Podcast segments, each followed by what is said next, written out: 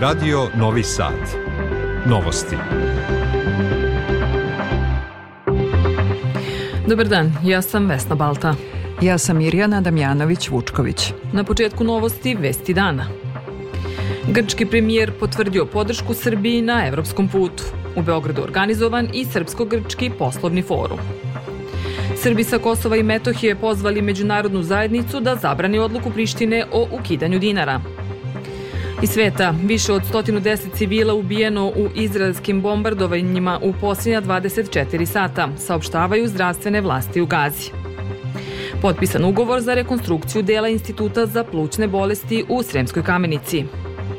Glumac Voja Brajović, dobitnik statuete Joakim Vujić. U Vojvodini sutra oblačno, ponegde moguća kiša. Temperatura do 13 stepeni. U Novom Sadu sada je 9. Ovo će biti godina ogromnog napretka i rasta ekonomskih odnosa Srbije i Grčke, a sve grčke kompanije pozivamo da dođu da rade u našoj zemlji, poručuje predsjednik Aleksandar Vučić na zajedničkoj konferenciji za novinare sa grčkim premijerom Kirjakosom Micotakisom. Grčki premijer je potvrdio podršku Srbiji na evropskom putu, naglasivši da postoji prostor za unapređenje saradnje u energetskom sektoru, infrastrukturi i transportu. U Palati Srbija organizovan je i poslovni forum na kojem učestvuje više od 160 naših i grčkih kompanija. Opširnije Miljana Kočić. U godini kada se obeležava 145. godišnjica uspostavljanja diplomatskih odnosa, a planirano je i održavanje četvrtog saveta za saradnju Srbije i Grčke, očekuje se veliki zamah u pogledu ekonomskog rasta i povećanja trgovinske razmene dveju zemalja, ističe predsednik Srbije. Mitsotakis je zahvalio na podršci teritorijalnom integritetu i evrointegracijama Srbije, ali i ponovio odlučnost naše zemlje da nastavi i ubrza evropski put. Da to nije samo formalna rečenica koju političari izgovaraju izgovaraju kao poštapalicu, kao svakodnevnu stvar, već da je to od suštinskog značaja za našu zemlju. Ali sam isto tako rekao da razumem da u Evropi nisu uvek srećni svim našim potezima, ali isto tako u Evropi moraju da razumeju da i mi očekujemo jasne signale za podršku Srbiji na njenom putu. Vučić ističe da je BDP Srbije trenutno 69,5 milijardi evra i da je plan da za četiri godine on dostigne 100 milijardi, za što nam je dodaje dobrodošla pomoć grčkih kompanija. Mi nemamo kapaciteta da izvedemo sve ono za što smo obezbedili novac. Malo je zemalja koje u svetu imaju taj problem. I zato sam zamolio premijera Mitsotakisa da onaj deo grčkih kompanija koji mogu pošalju u Srbiju da nam pomognu u ostvarivanju i ovih naših snova, ali u ostvarivanju važnih zadataka koji su pred nama. Predsednik podsjeća da pod okriljem Evropske unije gradimo Beograd-Niš brzu prugu koja će ići sve do granice sa Severnom Makedonijom, a naglašava i da ga je premijer Mitsotakis obavestio da će Grčka završiti tu brzu prugu do Igumenice, što je dobro ne samo za turizam, već kaže i zbog korišćenja kapaciteta grčkih luka. Gost Beograda ocenjuje da je Grčka verovatno najstabilnija podrška evropskom putu Srbije, a ističe i da stav po pitanju Kosova i Metohije ostaje nepromenjen, te da očekuje da će dijalogom posredstvom Unije doći do normalizacije odnosa. Naša ekonomska saradnja ima strateški karakter, poručuje grčki premijer Mitsotakis. Saradnja Grčke i Srbije proširuje se i na energetski sektor i na bezbednost i sigurnost i mogli bismo da prenosimo prirodni gas preko terminala, a vi sa svoje strane biste mogli da nam ustupite skladišne centre koje posjedujete. Mitsotakis podsjeća da Grčka ima veliko iskustvo u primjeni obnovljivih izvora energije, koji u toj zemlji čine čak 50%, te nudi nesebičnu pomoć i Srbiji. On je zajedno sa Vučićem prisustvovao otvaranju Srpsko-Grčkog poslovnog foruma, koji u Palati Srbije okupio oko 360 biznismena, kao i 38 grčkih i 125 naših kompanija. Grčkog premijera ispratio je ministar spoljnih poslova Srbije Ivica Dačić, koji je poručio da je ta poseta bila važan impuls za unapređenje bilateralnih odnosa i produbljivanje saradnje u brojnim oblastima. Srbi sa Kosova i Metohije održali su u Kosovskoj Mitrovici veliki protestni opšte narodni skup na kojem su ukazali da su obespravljeni i bez normalnih uslova za život. Pozvali su međunarodnu zajednicu da zabrani odluku Prištine o ukidanju dinara. Opširnije Slobodan Vidović. Okupljenima se najpre obratila Dušanka Đorović, predstavnica najstarijih sugrađana, koja je rekla da to što se onemogućava podizanje zasluženih penzija znači ukidanje parčeta hleba i života. Naglasila je da je velika laž da građani mogu da otvaraju račune u pojedinim kosovskim bankama i da podižu penzije, jer one ne priznaju uplatu novca na osnovu rešenja o penzijama ostvarenih kod našeg PIO fonda. Pitam i međunarodnu zajednicu, da li je ovo dostojno staračko doba? Šta smo i kome mi krivi da nam se obustavlja naša penzija? Ako odluka o ukidanju dinara ostane na snazi, građanima će biti uskraćeno jedno od osnovnih ljudskih prava, pravo na lečenje, upozorio je doktor kliničkog bolničkog centra u Kosovskoj Mitrovici Dragiša Milović. Ne samo plate, u pitanju je kako ćemo snabdevati našu bolnicu lekovima, sanitetskim materijalom, kako ćemo kupovati hranu za naše pacijente i bolesnike. Odluka Centralne banke u Prištini je diskriminatorna, politički motivisana i direktno ugrožava opstanak srpskog naroda na Kosovu i Metohiji, upozorila je redovna profesorka na Ekonomskom fakultetu u Kosovskoj Mitrovici Dragana Milenković. Na sve teži položaj u prosveti, ali i na nepravdu koja se dešava u 21. veku na tlu Evrope, ukazala je direktorka osnovne škole u Ugljaru Vesna Martinović. Vezuju nam se ruke, ukidamo mogućnost da se ško, naše škole osavremenjuju, digitalizuju. Ne postoji način da poboljšamo nastavu. Ovakvi životni uslovi su odavno zaslužili osudu međunarodne zajednice. Upravnica Narodne kuhinje Majka Devet Jugovića Svetlana Stević rekla je da su Srbi u bezizlaznoj situaciji, ali ih je i pozvala da budu jedinstveni i složni i da ostanu na vekovnim ognjištima. Premijer privremenih prištinskih institucija Albin Kurti izjavio je da Priština ne može da poništi odluku o uvođenju evra kao jedine valute na Kosovu i Metohiji i ukidanju dinara. On je za Bloomberg rekao da neće biti nikakvih kaznenih mera i dodao da će Srbima biti dato vreme da se prilagode novoj odluci. Slušate novosti Radio Novog Sada. Srbija je prepoznata kao jedna od zemalja koja je na vreme uvidela značaj razvoja veštačke inteligencije, poručila je premijerka Srbije Ana Brnabić, koja učestvuje na svetskom samitu vlada u Ujedinjenim Arapskim Emiratima. Ona je podsjetila da je Srbija bila prva zemlja u jugoistočnoj Evropi koja je usvojila strategiju razvoja veštačke inteligencije i to 2019. godine. Mi sada inoviramo do 2030. godine. Dosta smo toga uradili da implementiramo celu strategiju, kupili superkompjuter, sada izdvajamo još 30 miliona evra za još jedan superkompjuter. To je velika stvar. Ujedinjeni Arabski Emirati imaju dva superkompjutera i Srbija će već sledeće godine imati dva superkompjutera. Kada je reč o političkim sastancima, premijerka je istakla da je imala dobre razgovore sa premijerom Kube kao i premijerom Egipta razgovarali o sporazumu o slobodnoj trgovini ko, na kome trenutno radimo i nadamo se da ćemo uskoro završiti. Sporazum o slobodnoj trgovini sa Ujednim Arabskim Emiratima gotov, radi se samo pravno-tehničke redakcije, tako da očekujemo potpisivanje u najkraćem mogućem roku, ali dobar sastanak i sa premijerom Libije koji će, nadam se, uskoro posetiti Srbiju i kasnije popodne s direktorkom Međunarodnog monetarnog fonda. Dobri razgovori sa generalnim sekretarom OP OPEC-a, OECD-a. Svet. Izraelski snajperisti ubili su sedam osoba unutar bolnice Naser u južnom gradu Kanjunisu, gde se poslednjih dana vode žestoke borbe, rekao je port parol Ministarstva zdravlja u pojasu Gaze, Ašraf Al-Kudra. Ranjeno je najmanje 14 ljudi, među kojima su članovi bolničkog osoblja i raseljeni. Zdravstvene vlasti u Gazi saopštile su da je u izraelskim bombardovanjima u posljednja 24 časa ubijeno najmanje 117 civila, a da su bar 152 osobe osobe ranjene. Jemenska pobunjenička grupa Huti napala je komercijalni brod Star Iris za koji navodi da pripada Sjedinjenim američkim državama, izjavio je port parol grupe Jahja Sarija. Huti napadaju trgovačke brodove u Crvenom moru od 19. novembra kao, kako tvrde, odgovor na izraelske vojne operacije u pojasu Gaze, zbog čega su Sjedinjene američke države i Velika Britanija u poslednjih mesec dana počele uzvratne udare na vojne mete Huta u Jemenu. Nastavljaju se borbe na svim frontovima u Ukrajini. Zvanični Kijev saopštio je da je protivvazdušna odbrana oborila 14 ruskih dronova i jedan projektil. S druge strane, ruska vojska tvrdi da je Ukrajina izvela 39 topovskih artiljerijskih udara po naseljenim mestima na levoj obali Dnjepra unutar Hersonske oblasti. Predstavnici MMF-a doputovali su u Kijev i počeli seriju sastanaka sa predstavnicima ukrajinskih vlasti. Rusija je uvela sankcije za 18 britanskih državljana, uključujući i niz vrhunskih akademika. Moskva je navela da je to uradila zbog pokušaja ljudi sa liste da demonizuju Rusiju i podstaknu rat u Ukrajini. Evo i ostalih vesti sveta. Najmanje četiri osobe ubijene su u pucnjavi u jednoj grčkoj brodarskoj kompaniji u južnomatinskom predgrađu Glifada.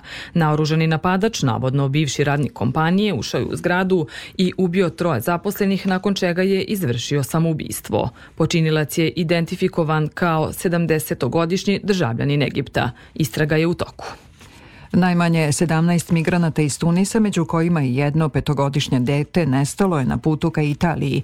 Migranti su krenuli prošle sedmice ribarskim čamcem iz Bizerte na severu Tunisa. Obalska straža i mornarica uz pomoć helikoptera tragaju za nestalima. I još jedna vest iz sveta. Finski političar desnog centra Aleksandar Stub iz stranke Nacionalna koalicija pobedio je sa 51,6% glasova u drugom krugu predsjedničkih izbora u Finskoj. Njegov rival, Peka Havisto iz partije Zelenih, ima 48,4 od glasova. Predsjednik Srbije Aleksandar Vučić čestitao je stubu pobedu na predsjedničkim izborima. Uveren sam da će vaše značajno političko iskustvo doprineti daljoj izgradnji bolje budućnosti vaše zemlje i Evrope u celini, naveo je Vučić. Pripadnici Bezbednostno-informativne agencije i nadležnog javnog tužilaštva uhapsili su četiri osobe zbog špionaže. Bija je otkrila predstavništvo jedne strane organizacije koja je delovala u Srbiji sprovodeći klasičnu špijunsku aktivnost, a svi uhapšeni su državljani Srbije. Informacije koje su prikupljali odnosile su se na rad naših državnih organa i institucija i pojedinih javnih preduzeća, ali i resursa iz sistema nacionalne odbrane Srbije, naročito vojnih službi bezbednosti. Poseban segment njihovog interesovanja bili su pojedini državni rukovodioci, ali i građani i privredna društva. Predsjednik pokrajinske vlade Igor Mirović obišao je rekonstruisano odeljenje kardiohirurgije u okviru Instituta za kardiovaskularne bolesti Vojvodine, kao i završne radove na izgradnji objekta Kamenica 3. Tom prilikom potpisan je i ugovor o rekonstrukciji dela Instituta za plućne bolesti, izveštava Marko Brajković.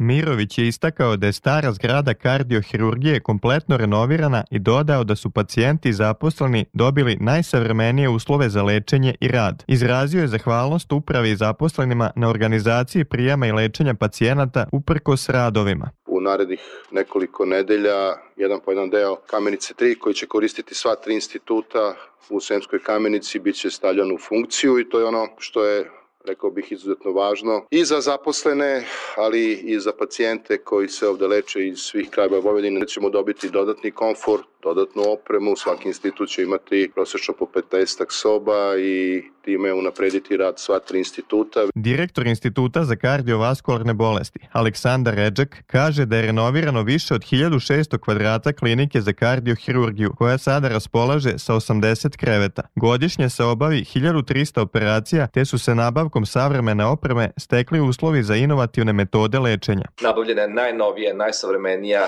oprema koja je poslednja reč tehnologija, tako da je na ovaj način praktično povećana bezbednost i sigurnost i kvalitet lečenja svih e, pacijenata, a kardiohiruški bolesnici su najteži kardiološki bolesnici, a isto tako su poboljšani i uslovi za rad zaposlenih. U objektu Kamenice 3 Institut za kardiovaskularne bolesti Vojvodine dobije novi centar za srčanu slabost, a takođe će u Kamenici 3 biti definisan i centar za neinvazivnu kardiološku diagnostiku. Iz pokrenjske vlade poručuju da je u toku priprema procedure za izgradnju garaže sa 500 mesta, kao i da će u naredne dve godine biti završeni radovi na rekonstrukciji svih objekata u sklopu instituta. Ministarka poljoprivrede Jelena Tanasković u vladi Srbije razgovarala sa predstavnicima poljoprivrednih udruženja o procesu stavljanja poljoprivrednog gazdinstva u pasivan status, a teme su bile i rešavanje dugova prema PIO fondu i kreditna podrška za poljoprivredna gazdinstva. O tome Đorđe Simović.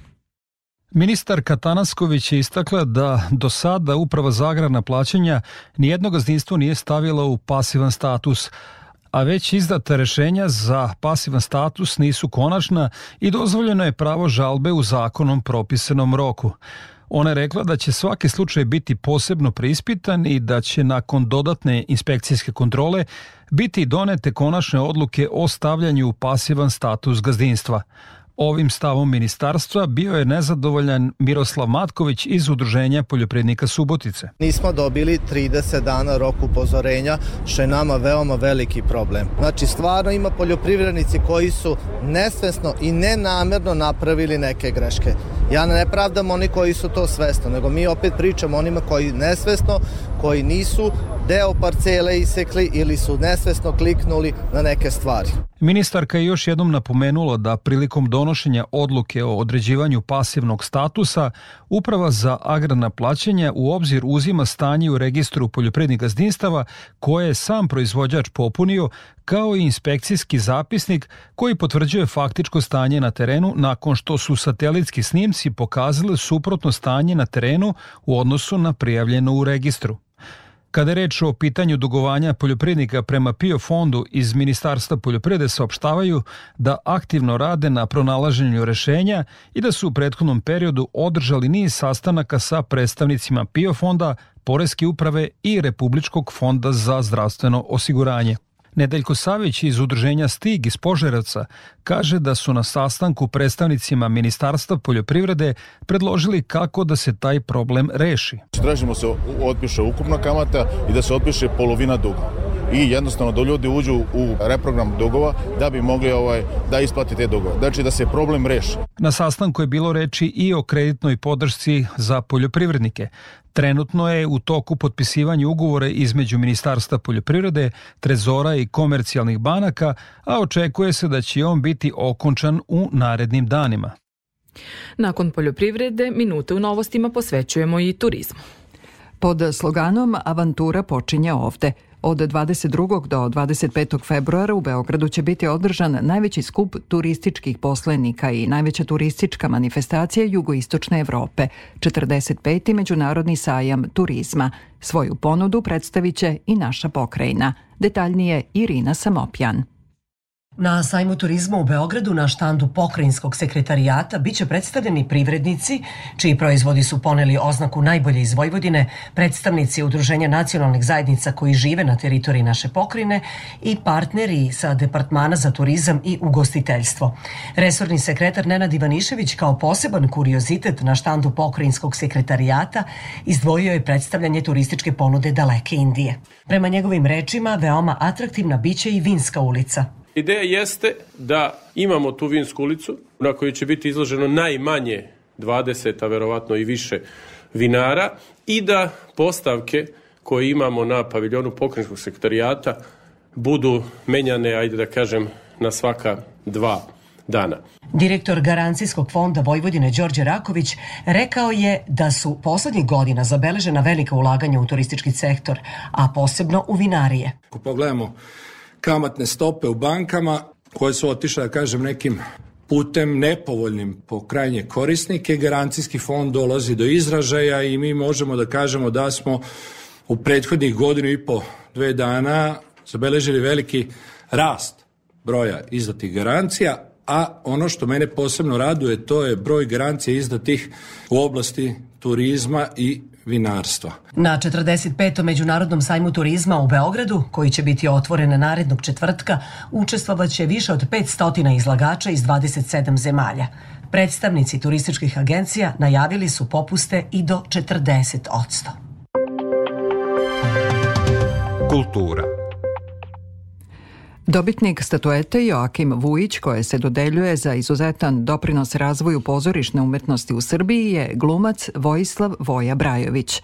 Žiri u svom obrazloženju ističe Malo je glumaca za koje možemo da kažemo ono čuveno bard našeg glumišta, a Voja Brajović je upravo to, bard glume, ličnost koja je svojim umećem, talentom, harizmom i šarmom obeležila decenije našeg teatra, filma i televizije, navodi između ostalog žiri. Prsten sa likom Joakima Vujića za izuzetan doprinos razvoju knjaževsko-srpskog teatra i afirmaciji njegovog ugleda u zemlji i inostranstvu biće dodeljen Ivanu Vidosavljeviću, jednom od najnagrađivanijih glumaca Kragujevačkog pozorišta. Sport. Najbolji teniser sveta Novak Đoković započeo je 412. nedelju na vrhu ATP liste, čime je nastavio da uvećava sobstveni rekord. On je, on je već za 100 nedelja nadmašio prethodnog rekordera Rodgera Federera. Đoković sada ima 9855 bodova, što je za 600 više od drugoplasiranog španca Carlosa Alcaraza. U poslednjoj utakmici 20. kola Superlige Srbije u futbalu napredak će u Kruševcu od 16 časova dočekati subotički Spartak.